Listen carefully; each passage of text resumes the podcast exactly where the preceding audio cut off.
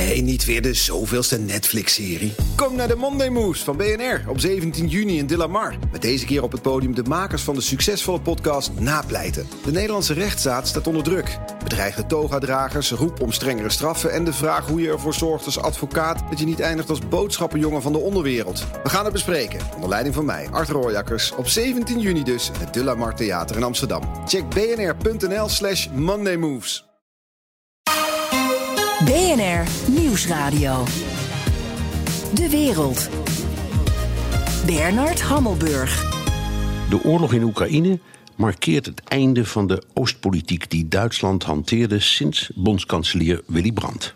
We hebben toch wohl ähm, beide, hoffe ich, etwas mehr verstanden von der Argumentation des anderen.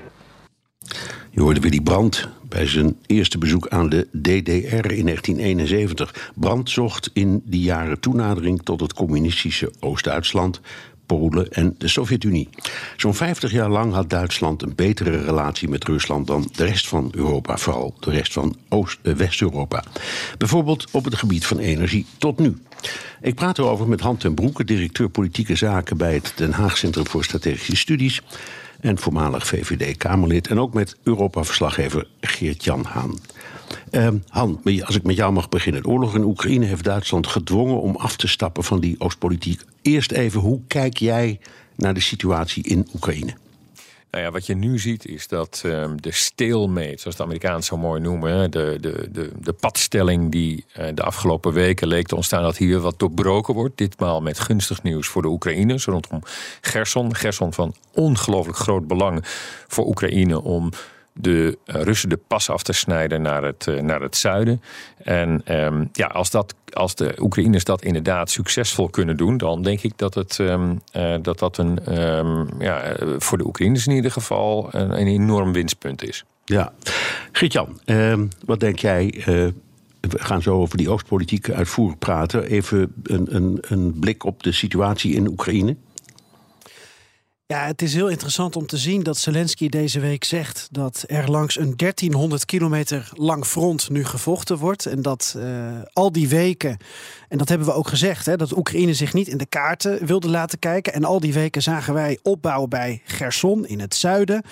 Uh, dachten sommige mensen van nou, daar zal een enorm offensief gaan beginnen. Zo hebben de Oekraïners het ook zelf al een beetje gespind. En ze doen wat speldenprikjes in allerlei verdedigingslinies. En ineens in uh, Kharkiv Oblast in het noordoosten komen ze erdoor. En ja, dan gaan alle panelen draaien. Maar je ziet ook dat in uh, Gerson ook terreinwinst wordt geboekt. En het is heel interessant om te zien hoe er dus misschien sprake is van misleiding of schijnaanvallen. En ik denk wel dat het klopt wat mensen ook als Pieter Kobelens zeggen: dat het initiatief nu veel meer bij de Oekraïners zelf is komen te liggen. Ja, maar goed, Han had het over een stilmeet. Dat is en blijft het toch een beetje, hè? Ja, en dat is ook wat jij altijd zegt. Dat een klein beetje terreinwinst, dat kan dan uh, over een paar weken weer worden teruggepakt. En dan het zijn soort van vermoeide boxers hè, die in ronde ja, 17 precies. tegenover elkaar hangen. En ze worden steeds, ze worden steeds naar, hun hoek, ja. naar hun hoek gefloten en ja. dan gaan ze weer een rondje. Ja. ja. Oké, okay, um, we gaan praten over de Oostpolitiek van Brand. Um, dat was dus het, het, idee dat je beter toenadering kunt zoeken tot de Sovjets en het Oostblok. dan dat je die harde taal van de Koude Oorlog voortdurend gebruikt en ook de politiek. Eerst even naar het ontstaan van die nieuwe Oostpolitiek, want zo heet het officieel. En dat was om een onderscheid te maken met de Oostpolitiek van de naties. Want die, die verstonden iets heel anders, namelijk uitbreiding van Duitsland tot in Polen en ga zo maar door. Willy Brandt van de Sociaal-Democratische SPD werd in 1969 bondskanselier van West-Duitsland en zette dit beleid in de begin jaren 70 in. Han, hoe zou je de, die politiek willen omschrijven? Nou, het is precies zoals je zei. Het is de poging van de Duitsers om te accepteren dat uh, regime change, zouden wij nu zeggen, in Oost-Duitsland niet meer tot de mogelijkheid behoort. En daarmee eigenlijk een invloedssfeer van de Russen in de veiligheidssectoren die na de Tweede Wereldoorlog waren ontstaan, dat die moet worden geaccepteerd. En dat dat ook beter is voor de bevolking daar en trouwens ook voor de West-Duitsers. Dus normalisatie met de Sovjet-Unie, met Polen en een zekere mate van toenadering tot het communistische Oost-Duitsland de DDR. Wandel durch Annäherung. En Annäherung staat dan dus voor toenadering. Ja, dat was de opzet van Willy Brandt met zijn, dat moet hier genoemd worden, zijn rechterhand Egon Beer. Eigenlijk de echte architect. Maar goed, Willy Brandt is natuurlijk de verpersoonlijking van die politiek geworden. Zeker als we dat beeld, het prachtige beeld terug in herinnering roepen. Die foto dat hij in een Pools ghetto op zijn uh, knieën valt nadat hij een krans heeft uh, gelegd. En die knieval, ja, die is symbolisch voor meerdere uitleg vatbaar. Maar dat is het beeld van de Duitse ja. Oostpolitiek. Precies, en kun je dan zeggen dat was, dat had te maken met uh, de moord op 3 miljoen Polen in, in, in Duitsland tijdens de Tweede Wereldoorlog? Was uh, zeg, werd Brand ook gedreven door het, door het motief dat Duitsland een soort ereschuld had en daardoor juist ja, een soort bemiddelende rol moest vervullen. Er zijn nog steeds geen generaties Duitse politici die daar niet door gedreven worden. En in die tijd was het zeker zo. En je moet je natuurlijk ook voorstellen dat um, voor de Tweede Wereldoorlog, voor de Eerste Wereldoorlog, dat als je naar Polen kijkt, heb je het eigenlijk um, uh, natuurlijk ook over voormalig Duitsland. Hè. Tot in Kaliningrad. Kaliningrad was een Duitse stad. Um, dus dus uh, West-Pruisen, Oost-Pruisen, daar zit veel Duits. Ja, daar zit een Duits sentiment, een Duitse cultuur. Er is ook altijd um, een Duitse Um, oriëntatie op Rusland gebleven. Waarbij je, en dat denk ik dat we hier nu moeten gaan onderscheiden, een heel groot onderscheid moet maken tegenwoordig tussen pro-Rusland in Duitsland en pro-Poetin. Pro-Poetin zien we in allerlei populistische kringen in allerlei westerse landen nu op dit moment ontstaan. Dat is het uh, autoritarisme, wat men uh, grote leider, sterke leider, een christelijke leider. Um, uh, dus dat, dat, dat, dat daar mensen die daarnaar verlangen. Maar in Duitsland zit ook een, pro, een fundamenteel pro-Russische en anti-Amerikaanse stroming. En die zit ja. met name bij partijen als De Linke, eigenlijk helemaal. Um, uh, maar ook grote delen van de SPD, waar natuurlijk Willy Brandt, Helmoet Schmidt en ook de huidige bondskanselier ja. uh, toe behoren. Ja, Geert-Jan, de, de, naam van uh, Egon Baar viel. in die tijd, voor zover we weten, was de, die SPD-politiek, die Oostpolitiek, ontzettend populair. Was populair bij de, bij de SPD, maar zeker niet bij de, de Christendemocraten. Hoe keken, hoe keken de, de, de mensen in Oost-Europa, of de leiders in Oost-Europa, naar die Oostpolitiek? Ja, ik ga gelijk een nuance aanbrengen, Bernard, door te zeggen dat ik een fout zou maken als ik het hele voormalige Oostblok in één antwoord over één kam ga scheren. Want dat is wat we juist weer niet moeten willen met die Oostpolitiek. Maar ik, ik ga een poging wagen om het samen te vatten. En dan geef ik denk ik het voorbeeld aan de hand van de mensenrechtenbewegingen, arbeidersbewegingen, dissidentenbewegingen. Denk aan Solidarność in Polen, denk Garta. aan Garta 77, ja. Tsjechoslowakije. Uh, ja. En die dachten wel eens wat een scheidluizer daar in West-Europa. Mm -hmm. In West-Europa waren ze in de jaren 80 bang dat de Sovjets dan weer nieuwe invasies uh, zouden doen in, uh, in die landen waar die bewegingen op gang kwamen. er was dus ook weinig draagvlak onder de bevolking in West-Europa. Wat misschien wel een verschil is met nu, denk ik dan, als we het hebben over solidariteit met Oekraïne. Maar onder die bewegingen in Polen en Tsjechoslowakije, waar leiders als Lech Walensa en Václav Havel uit zijn voortgekomen, ja, die, die bewegingen dachten: je kan me wat West-Europa, jullie voelen deze repressie niet. Ze waren dus eigenlijk ook tegen het motto van Willy Brandt: hè, Frieden is niet alles, aber ohne den Frieden is alles niets. Mm-hmm. Zij dachten: ja, je kan de pot op, want wij willen soevereiniteit. Exact. En, en ja. vrede staat dus niet boven alles. En nee, dat zie je discussie nu weer. Eigenlijk zie je die discussie fundamenteel nu weer. Um, uh, want waar, waar gaat het om in Oekraïne? Uh, heel, uh, velen zeggen het gaat om het behoud van westerse liberale normen. Ik wil zover nog niet gaan, omdat nou ja, als er geen oorlog zou zijn geweest, kunnen we echt nog wel een kritische maatstaf, maatla, meetlat naast Oekraïne Zeker. Op de vrijheid van meningsuiting, op vrijheid van pers, op de corruptie die endemisch is. En zo kan ik er nog wel een paar. Maar waar de Oekraïners nu laten zien, is dat er een, een, soort burgermoed is die eigenlijk in Europa ongekend is sinds de Tweede Wereldoorlog. En die burgermoed is er om hun eigen land, hun eigen grenzen, hun eigen soevereiniteit, uh, precies zoals Gert-Jan zegt, um, uh, om die overeind te houden. En dat is de basis van de vrijheid en de veiligheidsarchitectuur op in Europa na de Tweede Wereldoorlog. Oké, okay. even, even één, één ding. En, en, de grootste, misschien de grootste markering in die hele uh, geschiedenis, naoorlogsgeschiedenis, was de val van de muur. Um, Geert-Jan, zie jij dat als, als een soort uh, resultaat, resultante van Oostpolitiek? Of kwam dat gewoon door het ineenstorten van de Sovjet-Unie? Volgens mij hebben we eh, door het overlijden van Gorbachev de afgelopen weken daar veel over geprobeerd te, duiden met z'n allen. En hebben we daar weer van geleerd dat er zoveel momenten in de geschiedenis zijn die door toeval zijn ontstaan. Met onverwachte wendingen op basis van natuurlijk allerlei uh, tientallen, zo niet honderden factoren en kleine aanleidingjes. Nou, de, de, val van de, Berlijn, van, van de muur werd eigenlijk door niemand destijds echt voorspeld en voorzien. Zelfs Fukuyama, die altijd wordt aangehaald met zijn boek in 89, die End of History en The Last Man, aanvankelijk nog met een vraagteken, maar in het, uh, dat deed hij bij zijn boek, maar het begon met een essay. Die voorzag dat niet. Het, het, het leek daar wel in op te preluderen, maar, maar niemand had, ge, had, ge, had door dat het al zo, nee. zo ernstig gesteld was. Ja, en heel kort hij nog. Komt, hij komt trouwens, geloof ik, uh, de komende tijd naar Nederland om zijn nieuwe boek te presenteren. Ja, fantastisch. Iedereen moet, moet komen luisteren. De man is ja, uh, een de grootste denkers. En heel kort nog, Bernard, als ik mag. Want iemand als Havel in, in Tsjechoslowakije, dat was natuurlijk een dissidente schrijver. Die had nooit gedacht dat hij ineens de leider van Tsjechoslowakije en later Tsjechië zou worden. Dat overkwam hem. En, en dat staat misschien wel symbool voor die val van de muur ook. Ja, misschien moet er één punt van die Oostpolitiek nu ook benadrukken. En dat is de energiepolitiek. De, de Duitse energie, uh, energiepolitiek. Want de Oostpolitiek, daar zat natuurlijk ook de behoefte van de Duitse industrie. Met name de auto- en de metalenindustrie. Voor goedkoop Russisch gas. Nou, dat herkennen we allemaal, denk ik, op dit moment. Alleen dat begon in West-Duitsland al in 1973. Eigenlijk goedkoop Russisch gas. Uh, stroomde via door Duitsland betaalde uh, pijpleidingen naar um, uh, West-Duitsland. En dat bleef onder het ijzeren gordijn doorstromen. Ook toen begin jaren 80 Rusland een invasie in ehm, Afghanistan begon.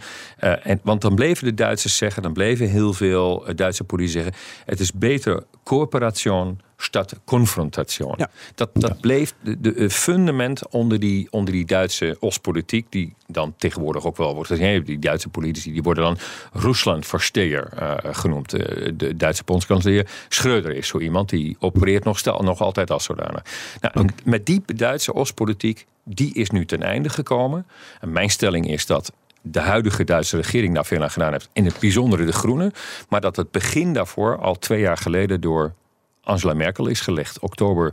2020. En toen ze ineens uh, heel fors reageerde op het uitleveren. Toen, toen uh, ze eigenlijk Navalny ophaalde. En uh, NAVO-bondgenoten en G7, waar de, Rusland al uitgeschopt waren. Um, wisten bewegen tot sancties. En tot een veel hardere houding. Dat was de eerste opening. Toen liet, liet ook Merkel een beetje het masker vallen. Um, waar een einde werd gemaakt aan die, aan die behoedzame Duitse Oostpolitiek. Maar in de, ja, in, in de maanden na de invasie, na februari is dat alleen maar veel sneller gegaan. Dit is BNR De Wereld. Mijn gast is Hans ten Broeke, directeur politieke zaken bij het Den Haag Centrum voor Strategische Studies en voormalig, voormalig VVD-Kamerlid. En ook in de studio Europa-verslaggever Geert-Jan Haan. Wenn diese Pipeline fertig gebaut ist, fließt dort Gas durch. Und das Ziel von Putin ist, dieses Gas zu nutzen, um die ukrainische Leitung abzuschalten. Dann fließt da kein Gas mehr durch, weil er die Ukraine damit destabilisieren will, weil sie kein Geld mehr bekommt. Und wenn wir dann Winter in Europa haben, dann werden wir nicht sagen können, oh, jetzt kommt auch kein Gas durch Nord Stream 2, weil dann haben wir Europäer in dem Moment kein Gas mehr. Und das ist die ganze Kalkulation. Dat is een uitspraak van de, voor, uit de vorige zomer van Annalena Baerbock. Toen de lijsttrekker van de Groenen. Inmiddels is ze minister van Buitenlandse Zaken. Han. Uh, Europa en dan Duitsland in het bijzonder vanwege de Oostpolitiek... hebben zich afhankelijk gemaakt van Rusland en de energievoorziening. Ja, Daar uit de Baerbock destijds al kritiek op. Hoe kijk jij naar haar optreden? Profetisch, uh, sterk... Um, uh, we waren toen nog vol twijfel over hoe ver deze mevrouw zou kunnen schoppen. Uh, ze had stond goed in de peilingen, uh, zakte helemaal weg door een aantal slechte optredens bij dit soort debatten. Er zat tegenover haar um, natuurlijk de, de, de, de die het um, wel even zou redden en die het niet redde. ze had tegenover haar meneer Scholz van de Sociaaldemocraten, die uiteindelijk de bondskanselier is geworden en die wat wijfelend optreedt. Um, maar Baerbock en ik denk ook Habeck, hè, de Duitse energieminister, ja, die ja. laten eigenlijk zien hoe het moet. En Baerbock ja. zegt hier, um, uh, is altijd helder geweest over Nord Stream 2. Dat is niet nur rein wirtschaftlich. Het gaat niet nee. alleen maar over de economie. Ook in Nederland nee. hebben we die houding heel lang gehad. Ook ik zelf heb dat in het begin nog als Kamerlid uh, zitten verdedigen. Ik denk dat we daar een fout hebben gemaakt. Um, uh, ik heb die houding bij mezelf Zullen, we, zullen we even maar, luisteren maar, maar, naar hoe jij, hoe, ja. hoe, hoe jij daar vier jaar geleden in dit programma over sprak? Ja. Ik ben blij dat we een debat kunnen gaan voeren. Want dat was hoog nodig. Dat ook de energievoorziening uh, voor Europa. En of dat nou Nord Stream is. Of hoe we omgaan met het afschalen in Groningen. Dat heeft namelijk uiteindelijk ook. Er zit ook een geopolitieke betekenis. Die we ons moeten realiseren. Want als we geen Gronings gas willen. dan zullen we aan Russisch gas wellicht moeten geloven. Um, is dat energievoorziening is geopolitiek. Uh, misschien zelfs wel in de allereerste plaats. Ja. Hoe kijk je er nou nu achteraf? Je, je zat toen nog in de VVD-fractie. Hoe heb je het gedaan daar in dit opzicht?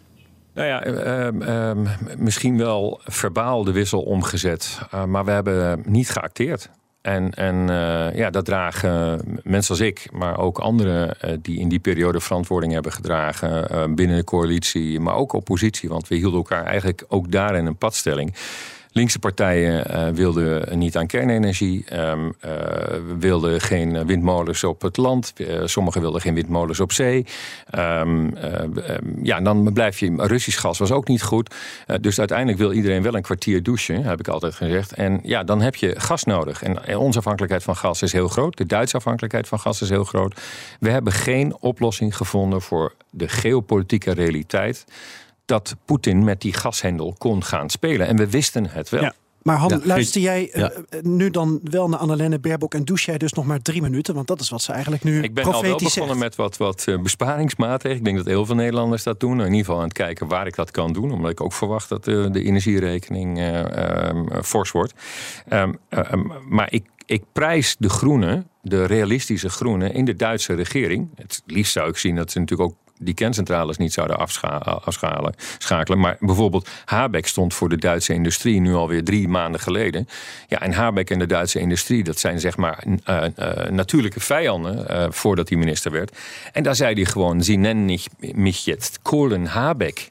Ik, dat hij nooit gedacht had dat hij als, hè, wat heeft de, de Duitsers hebben na Fukushima, waar ze erg van onder de indruk waren, Japanse kerncentrale die natuurlijk tot ellende leiden, zeiden ze we moeten uit kernenergie en we moeten uit kolen. Um, nou, de Groenen hebben de kolen weer aangezet.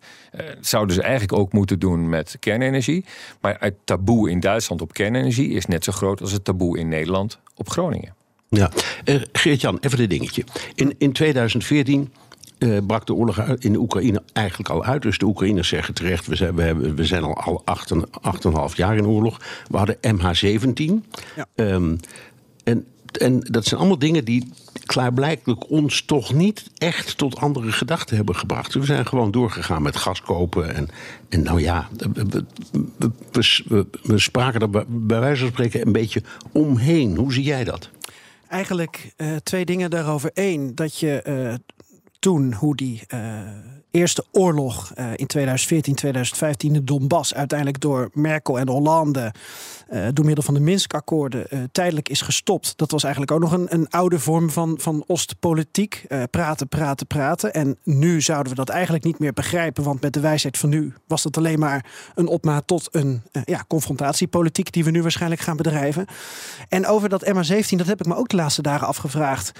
ik heb Han wel eens eerder horen zeggen dat Nederland naast Rusland en Oekraïne de meeste slachtoffers eigenlijk kent meeste bij deze oorlog. In dit nee, gebeurt ja. ja. Ja, en um, ik vraag me ook af waarom we niet met z'n allen daar überhaupt een publiek debat over zijn gestart. Uh, we vonden het allemaal zo verschrikkelijk. De beelden staan op ons netvlies. Het is voor iemand van mijn generatie, denk ik, de grootste ramp die ik ooit op deze manier heb meegemaakt, die dan Nederlanders betrof. Mm -hmm.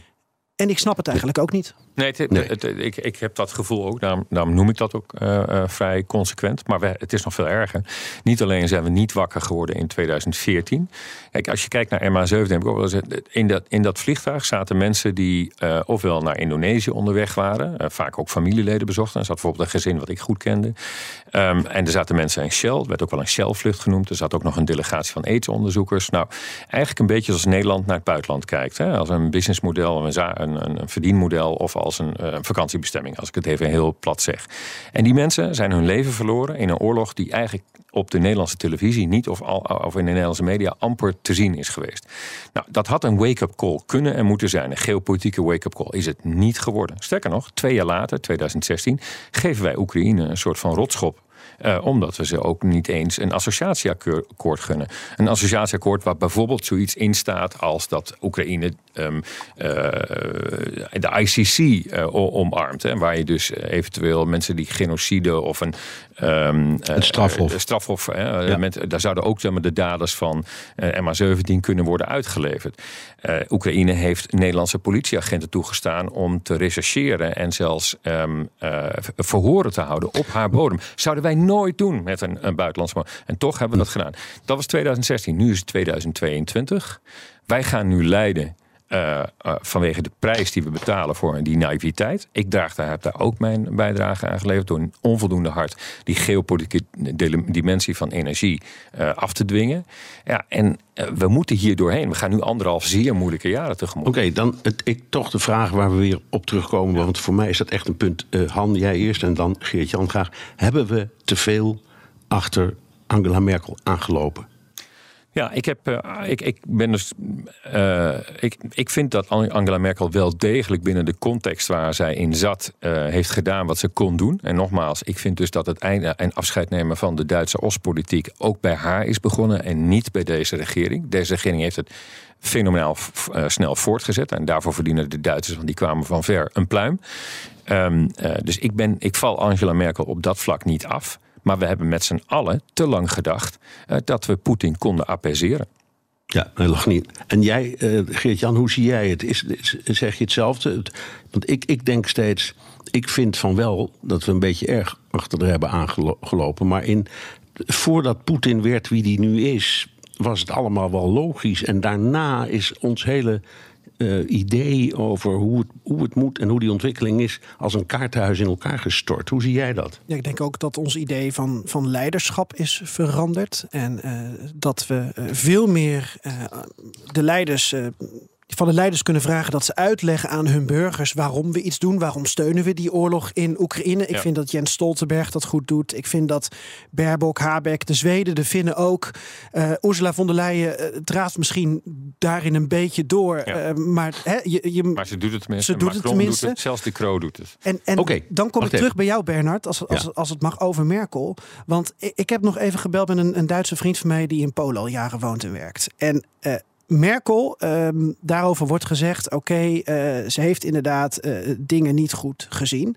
Maar als zij iets deed, dan deed ze dat omdat ze het zei. Dus ze zei weer schaffen das en ze gooide de grens over. Ze zei we stoppen met kernenergie en uh, ze deed het ook. En dat is dus nu waarom mensen Scholz eigenlijk niet meer waarderen dan Merkel. Scholz nee. wordt niet als consequent gezien en dat levert weer andere problemen op in uh, Centraal- en Oost-Europa. Want daar zijn dus landen zoals Polen, waarin ze nu zeggen: ja, die Scholz die, die houdt de deur naar Rusland een beetje open nog steeds. En dat betekent dat ooit komt er een moment dat Duitsland en Rusland weer gaan samenwerken en dan willen ze Polen weer van de kaart vegen. Dat sentiment, dat komt daardoor. Dat komt er. Oké, okay, we hebben nog uh, heel kort, dus allebei 30 seconden. Geert-Jan eerst. Um, de, de, de Oostpolitiek is voorbij. Um, wie is de nieuwe leider in Europa? Oeh, de nieuwe leider in Europa. Uh, in 30 seconden. Nou, ik. Uh, Poeh, ik denk dat er heel veel leiders ineens zijn. Uh, en dat ze niet altijd met elkaar eens zijn. En ik denk eigenlijk dat Macron misschien nog wel een beetje die Oostpolitiek van Merkel ook aan het voortzetten is. Uh, door die banden met Rusland ook telkens uh, nog steeds aan te halen. Door te bellen met Poetin. wat je er ook van vindt. dat is een vorm van diplomatie. Waar andere leiders van zeggen dat moet je niet meer doen. Dus eigenlijk heb je misschien wel een tweespalt in Europa ja. nu. Misschien heb je de confrontatiepolitiek en nog steeds de praatpolitiek. Oké, okay. Han, laatste woord aan jou. toch wel Macron, omdat, uh, omdat die, uh, dit leiderschap waar een enorm vacuüm is getrokken doordat Merkel daar is weggegaan en Johnson dat ook niet heeft kunnen opvullen, want die is niet meer onderdeel van dat deel van Europa. Een aantal leiders, waaronder ook Mark Rutte, uh, toch wat afwezig blijven in die, in die communicatie. Um, moet Macron ook die telefoon blijven opnemen. En ja, ik zou het liever anders zien, um, maar het is toch Macron. Ja, nou ja, het, het, het, past bij het beeld dat de Fransen van zichzelf hebben. Ja. Het centrum van de wereld en zeker van Europa, toch? Dat is zo, ja. Maar ja. Dat, dat, dat, dat, moet een Europees centrum worden. Ja. Dank, Han ten Broeke, directeur politieke zaken bij het Den Haag Centrum voor Strategische Studies en voormalig VVD-Kamerlid. En ook dank aan Europa-verslaggever Geert-Jan Haan. Ook Bas van Werven vind je in de BNR-app. Ja, je kunt live naar mij en Iwan luisteren tijdens de ochtendspits. Je krijgt een melding van Breaking News. En niet alleen onze podcast Ochtendnieuws, maar alle BNR-podcasts vind je in de app. Download nu de gratis BNR-app en blijf scherp.